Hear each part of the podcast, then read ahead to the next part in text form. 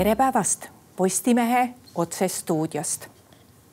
juba kolme nädala pärast saavad Venemaa kodanikud jälle valida Putini Venemaa presidendiks tagasi.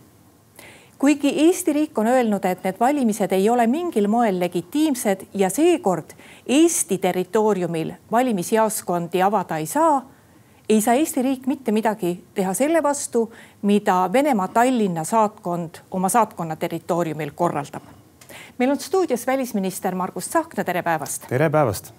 no kuuldavasti lisaks Venemaa saatkonnale, kus korraldatakse valimised, on venelased panemas püsti ka valimisjaoskondi nii-öelda sada meetrit Eesti piirist.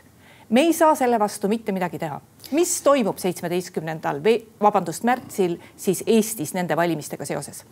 No kõigepealt on tähtis see, et me otsustasime kolme Balti riigi välisministritega teha ühisavalduse ja kutsusime ka Venemaa esindajad välja, kus me ütlesime, et need ei ole legitiimsed valimised.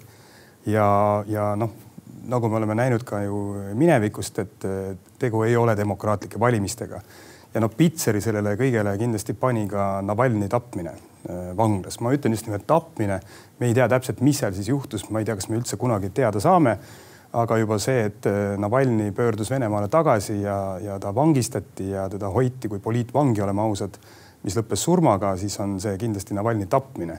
et see oli ka selge sõnum, et Navalnõi oli opositsiooni liider ja mitte mingisuguseid nii-öelda opositsioonikandidaate ju tõsiselt Venemaale ei lasta, et tegelikult see, need valimised on farss ja me väga selgelt ka ütlesime, et äh, nii-öelda meie territooriumitele, mis puudutab siis väljaspool Äh, Venemaa saatkonda mitte mingisugust nii-öelda valimistegevust ei toimu, me ei luba seda teha. Ja see on ainuke võimalus, mis me saame teha. küll aga me ei saa tõepoolest sekkuda sellesse, mis toimub Venemaa saatkonna hoone sees, see on Venemaa territoorium ja seda kaitsevad erinevad rahvusvahelised konventsioonid eesotsas Viini konventsiooniga, et samamoodi ju tegelikult Eesti võimaldab oma valimisi meie saatkonna territooriumil Moskvas ja sinna ei tohi Venemaa kuidagimoodi sekkuda, nii et see on see, see on see paratamatus, aga tähtis on see meie seisukoht, et et need ei ole legitiimsed valimised, need ei ole demokraatlikud valimised, et kõigil inimestel ei ole võimalik oma seisukohta avaldada ja kõigil ei ole ka võimalik kandideerida. nii et, aga samal ajal oleme ausad, ega siin ei ole mitte midagi uut meile, arvestades seda, et Venemaa viib ja Putin viib läbi agressiooni.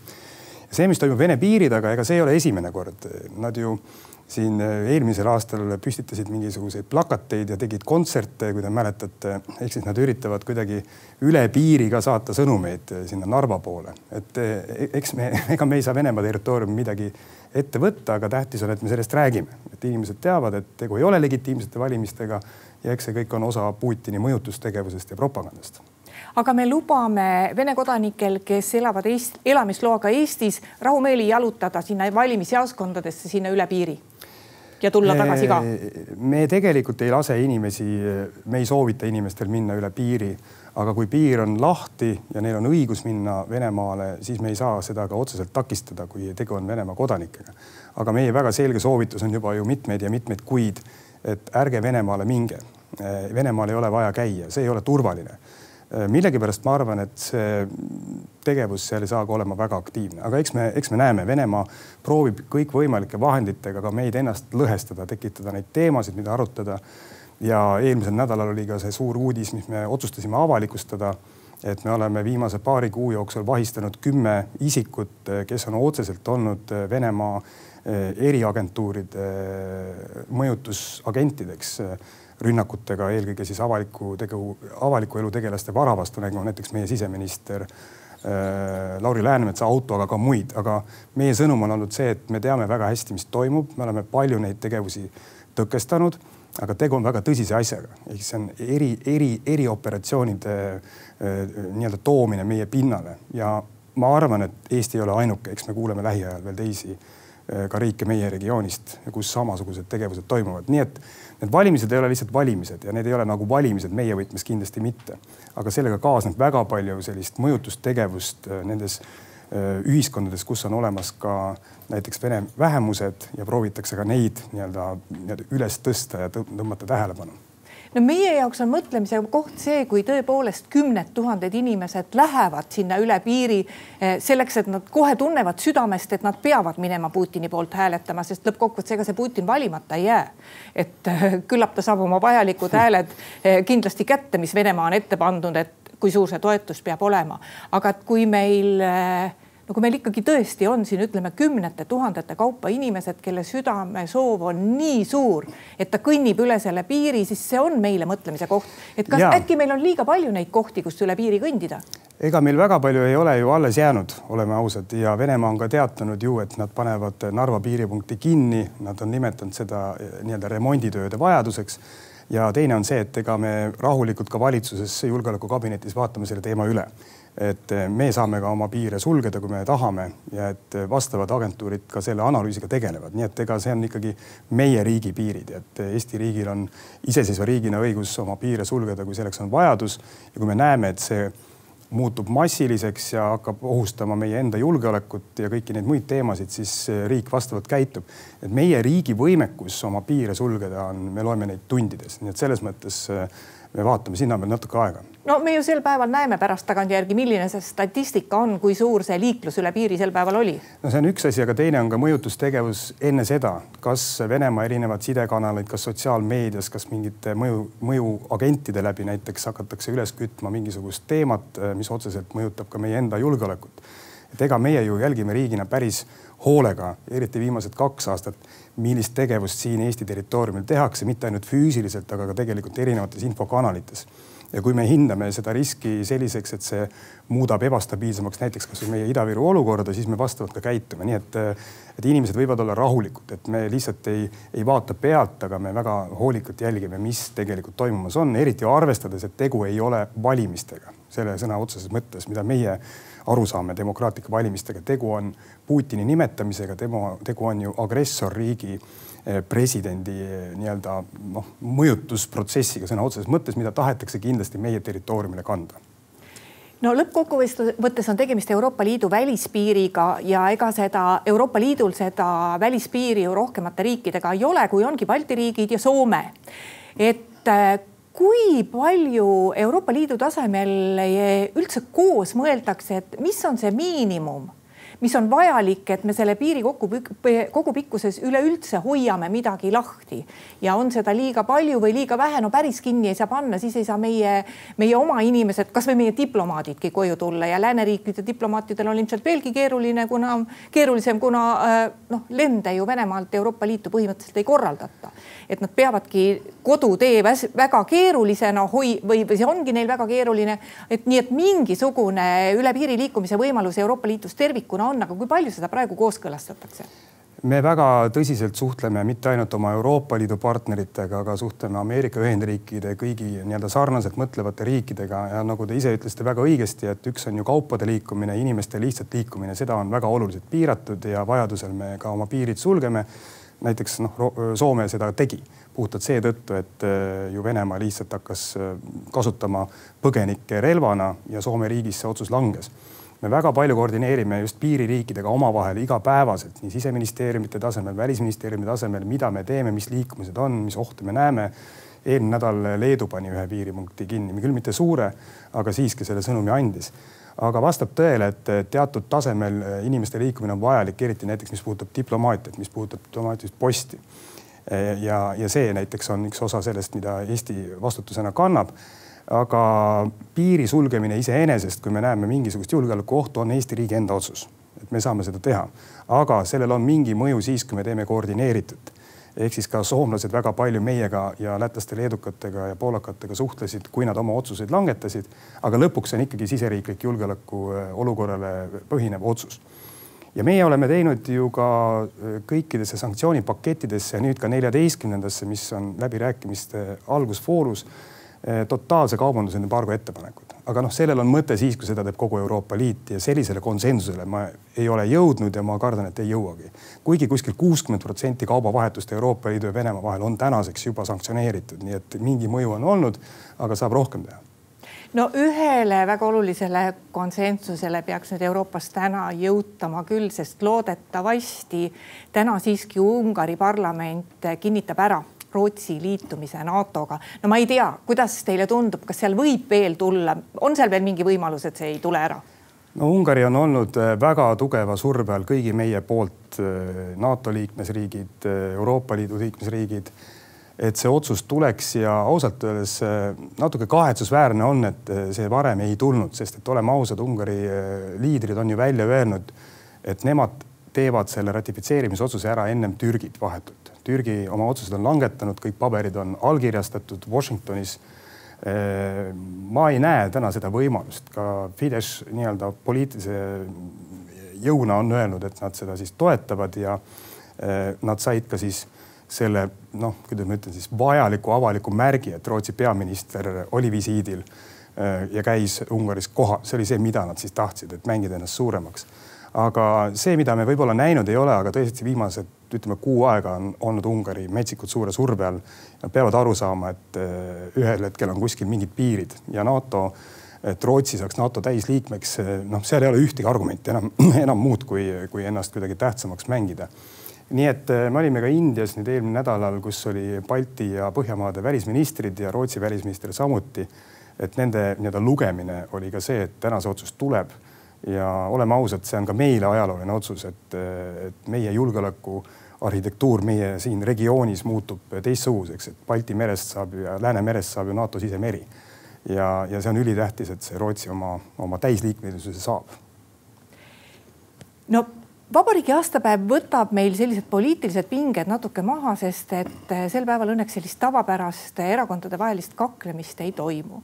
aga noh, riigi sünnipäev on peetud ja küllap see läheb nüüd jälle varsti edasi. kuidas teil praegu õigupoolest võimuliidus on? sest äh, need suhted on ikkagi uskumatult teravad ma arvan, et need suhted olid teravamad äh, kuskil seal siis, kui õpetajate streik oli peal. ja, ja enne seda, kui me istusime viimane kord siis koalitsiooni osapooltega maas ja rääkisime läbi järgmise aastat, järgmiste aastate riigieelarve strateegiat, majandusplaani. Et siis oli küll tunda seda, seda väga teravat pinget aga me suutsime leida vajalikud lisaraha, et see streik lõpeks äh, kokkuleppega, mitte lihtsalt valitsus ei sõida üle. selle üle mul on hea meel ja see võttis kuidagi selle pinge natukene maha. täna ma ei näe sellist nagu valitsuse sisest pinget, aga meil on vaja väga paljud äh, suured otsused langetada. ja järgmine nädal me istume jälle maas, et arutada, mida me teeme riigieelarves haigutava suure auguga. et seal ühtegi head lahendust ei ole, nii et need pinged tulevad kindlasti uuesti lauda aga ma ei näe sellist nagu poliitilist pinget, et kuidagi ei taheta koos teha, vaid pigem on küsimus, et me peame langetama otsuseid ja neid otsuseid ei ole võimalik mitte kuskile enam lükata. kui me räägime näiteks äh, riigieelarve küsimusi ja maksupoliitikat, siis mida iganes me teeme järgmise aasta jaoks, peab olema see ka juba Riigikogus vastu võetud selle aasta jaanipäevaks, pool aastat ennem, kui midagi hakkab üldse maksudega kas muutuma. kas hakkab muutuma, mis me teeme, me ei ole selles kokku leppinud nii et äh, need pingelised läbirääkimised tulevad uuesti peale. sellel valitsusel ei ole mitte, mitte kuskile võimalik äh, ära põgeneda nende raskete otsuste eest. aga no vaatame, mis saab. ma, ma ei näe täna, ma olen nii palju kordi olnud ju erinevates valitsustes, et, see pinge oleks kuidagi noh, nagu olemuslik, et, et kas me oleme koos või mitte, et pigem on küsimus siis, et milliseid otsuseid langetada. no maksude osas tõenäoliselt ikkagi mingisugune maks on õhus, lisaks sellele automaksule, mis on praegu Riigikogu menetluses. et äh, teil ei ole ju väga palju võimalik äh, neid kohti, kust see puuduolev raha võtta neid, neid kohti ju lihtsalt ei ole. nii et äh, mingisugusel hetkel me saame ilmselt ikkagi teada mingisugusest uuest maksust. ükskõik kellele kaela see nüüd siis tuleb no me keegi ei taha makse siin tõsta, võib-olla sotsid tahavad rohkem maksustada nii-öelda astmelise tulumaksuga läbi neid inimesi, kes teenivad suuremat palka. see on ka maailmavaateline nii-öelda konflikt, mis selles koalitsioonis sees on. see tuleb ka selgeks vaielda. mida mina kardan, on see, et, et, et me noh, et me ei jõuaks välja sellesse olukorda, kus me lihtsalt nagu eelmine valitsus võtame lihtsalt laenu jooksvate kulude katteks. meil on ju tegelikult eelmise valitsuse üks koma neli miljardit baasraha nii-öelda kulu poole pealt lihtsalt ees, see on see, millega me täna tegeleme selles valitsuses. ja, ja ma tahan seda arutelu ja see arutelu on seal, mis puudutab eelkõige majandust elavdavaid meetmeid, mis puudutab investeeringuid selle jaoks, et me muudame oma riigi valitsemist efektiivsemaks. mina olen nõus vajadusel vaatama üle ka mingeid kärpekohti eh, ilma igasuguse naljata, nulleelarve protsess, mis Eesti kakssada on pannud letti ja seda praegu viivad läbi neli ministeeriumit. sealt on mingist perspektiivist tulemast efektiivsust kindlasti aga ka mingid laiemad nii-öelda majanduspoliitilised otsused, kuhu me näeme, et võib-olla on vaja investeerida, meil seda raha ei ole, aga me oleme nõus näiteks võtma laenu. aga mitte võtma laenu lihtsalt selle peale, et äh, vaadata, kuidasmoodi eelarve tasakaalu numbrid kokku tulevad, see ei ole jätkusuutlik. et seal see pinge ongi tegelikult sees. et lihtsalt nagu mingit habememaksu ja muud maksu ja veel kolmandat maksu natuke juurde tinistada. ma arvan, sellest ei saa Eesti inimesed enam aru. sellest ei saa ka Eesti ettevõtjad aru et kui me maksudega tegeleme, siis me peame ära põhjendama sellega, et mis asi see siis lõpuks on, et kõik saaksid aru, et mille jaoks panustatakse ja mis on nagu parem kvaliteet siis, mida hiljem saadakse, et mitte ainult siis nii-öelda jooksvate kulude katmiseks, sest et eh, ma arvan, et Eesti riik vajab reforme hariduses, vajab riigi juhtimises, teenustes, seesama personaalse riigi jutt. No selle on teie koalitsioonipartnerid nüüd põhja lastud, kuigi see on koalitsioonilepingusse ju sisse kirjutatud. ma arvan, et see on lihtsalt ühe suure protsessi algus, mulle lihtsalt meenub see, kui Mart Laar eh, surus läbi ID-kaardi seadust see oli viimane asi, mida ta rakendas kahe tuhande teise aasta veebruaris, kui ta enne seda, kui ta tagasi astus. metsikult suur vastuseis oli sellele tookord nii valitsuses kui ka laiemalt. Kui meil seda otsust ei oleks tookord langetatud, ei oleks meil täna võimalus rääkida e-riigist ja nendest e-teenustest mida, üheksakümmend üheksa protsenti me teeme online'is. et see personaalse riigi otsus on umbes sarnane, et alguses ollaksegi kriitilised, võib-olla ei saada aru, võib-olla ei süveneta, aga nagu te ütlesite, see on koalitsioonilepingus ja selle tulemusi me näeme alles mõnede aastate pärast, aga need põhivundamendi otsused tuleb ära langetada ja vajadusega teha ära investeeringute otsused, et me oleksime võimelised tegelikult inimestele pakkuma seda isiklikku teenust, mis ka riigi rahakotist vaadatuna peaksid olema palju efektiivsemad kui need üldiselt jaotatavad päris, päris nagu sellised jäigad teenused kõigile no kohe on tulemas Euroopa Parlamendi valimised, kes on Eesti kahesaja esinumber nendel valimistel? me väga aktiivselt tegeleme oma nimekirja, programmi ja ka kampaania kokkupanemisega. ja meil on päris palju häid inimesi. Äh, kes siis lõpuks esinumber on, me ei tea, aga me tahaksime, et see inimene oleks kindlasti see, kes ka tegelikult tahab sinna minna. oleme ausad, meil ei käi tohutult võitlus selle üle, et kes saab Europarlamendi liikmeks, kuna meil ei ole täna ühtegi kohta. meil ei ole midagi kaotada et pigem ma vaatan, et mõnedes teistes erakondades on see pinge üleval, et kellel täna on kohad või kes nii-öelda väga tahavad aga Eesti kakssada kindlasti tuleb välja valimistel täisnimekirjaga ja vaatame, mis kampaania käigus juhtub, et eh, me proovime selle ühe koha saavutada. nii et meil on erinevaid inimesi, ma arvan, mingi lähimate aegade jooksul te saate sellest ka teada, sest erakonna üldkoosolek selle nimekirja kinnitab, et ma ei tahaks ennem eh, neid järjestusi siin välja käia. no ise olete nimekirjas? no minu käest on muidugi erakond palunud, et ma pean kandideerima, kuna ma olen välisminister, ma tegelen kõigi nende Euroopa teemadega. Aga minu töö praegu on olla Eesti välisminister ja see on väga väljakutsuv töö, nii et eh, vaatame, eh, oma panuse ma annan. No erakonna reiting on praegu ikkagi uskumatult madal ja viimase nädala tulemus näitas lausa nii-öelda allapoole kukkumist eh, parlamendi valimiskünnisest. Kas te tunnete erakonna juhina vastutust, kas te tunnete, et te olete erakonna juhina läbi kukkunud, kui erakonna toetus nii madal on? No see toetus oli juba varem madal ja eks on olnud täiesti objektiivsed sündmused sellega seoses, et äh, me saime pihta Slava Ukraini äh, juhtumiga kohe peale neid äh, valimisi eelmisel aastal, millega erakonnal mitte mingit pistmist ei olnud, aga noh, reaalselt me saime pihta. ega Kaja Kallase idavedude teema meist kuidagi mööda ei läinud ja see alati käib kaasas sellise uue erakonna ja väljakutsuja brändiga erakonna ka, et kui siis minnakse valitsusse, siis hakatakse tegelikult riiki valitsema ja tehakse ka neid otsuseid, mis äh, on igapäevased ja mis on võib-olla rasked. nii et praegu äh, ma erakonnas ei näe seda arutelu, et miks meil reiting selline on, kuna need on niisugused objektiivsed asjaolud. Äh, küll aga ma arvan, et kohalikud valimised on see esimene verstapost, et kus me peame selgelt jala maha panema Tallinn, Tartu, suuremad keskused ja siis ikkagi Riigikogu valimised kakskümmend seitse. nii et praegu meie asi on teha oma töö ära, selgitada, mis otsused me oleme teinud, mis muutusi me oleme teinud, sest me lubasime ka inimestele ju neid suuremaid pikemaaegseid reforme, me ei lubanud selliseid lihtsaid, ma ei tea, maksu, mingisuguste toetuste tõstmisi. ja, ja, ja ma, ma just siin üks päev vaatasin, et mis on nagu teiste uute erakondadega, kes on saanud Riigikokku läbi ajaloo, et mis on nendega toimunud ja see, see on tavaline selline kurb toimub ja nüüd on küsimus, et mis nagu edasi saab. nii et äh, täna on liiga vara anda hinnanguid. nii et te sellest Euroopa Parlamendi valimisest endale väga suurt peavalu ei tee, et kas ma sain õieti aru, et on hea, kui ühe koha saab, aga pole midagi, kui ei saa ka ühtegi kohta? Ja meil on, me oleme arutanud seda strateegiat, et me võtame seda sisuliselt, me pakume oma programmi, oma inimesed ja oma osa sellest debatist, milline see Eesti roll Euroopa Liidus peaks olema ja võiks olla. aga jah, meil ei ole see elusurma küsimus, et me, me praegu paneme kogu oma ressursi, mida ei ole ju väga palju tegelikult just nimelt nendesse reformidesse, mida me oleme lubanud ja ausalt öeldes vaadates koalitsioonilepingut või ka meie tegevust valitsuses, no näiteks kasvõi see suur uudis, et äh, algasid ju läbirääkimised äh, haridusleppe saavutamiseks, mis on väga suur ajalooline protsess, et me loodame sellega jõuda lõpuni ja siis midagi ka näidata inimestele. ehk siis äh, jah, me, me paneme oma tähelepanu praegu sellele milleks me saime mandaadi ja siis on inimestel võimalik anda tegelikult hinnang, nii et selles hetkevõitluses me paratamatult seal nii-öelda tipus ei ole.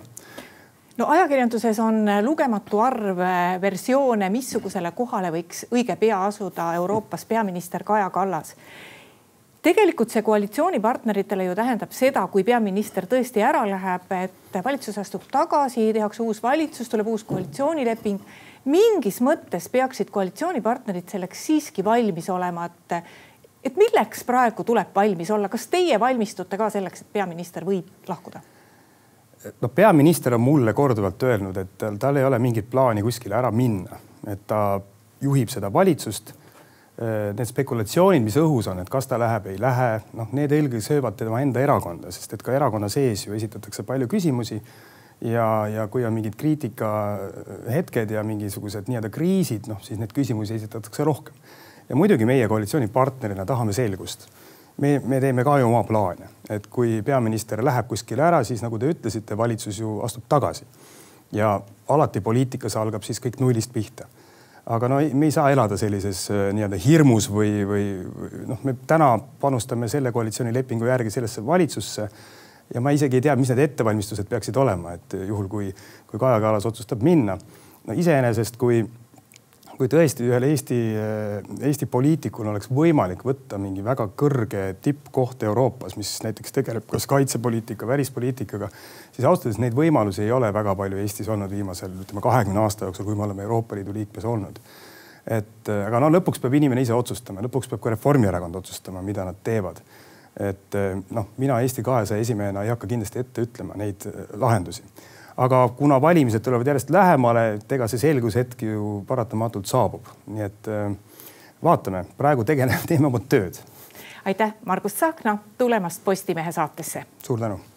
ja aitäh ka kõigile neile, kes meid vaatasid. Postimehe järgmine otsesaade on eetris juba homme. seniks lugege uudiseid postimees.ee Música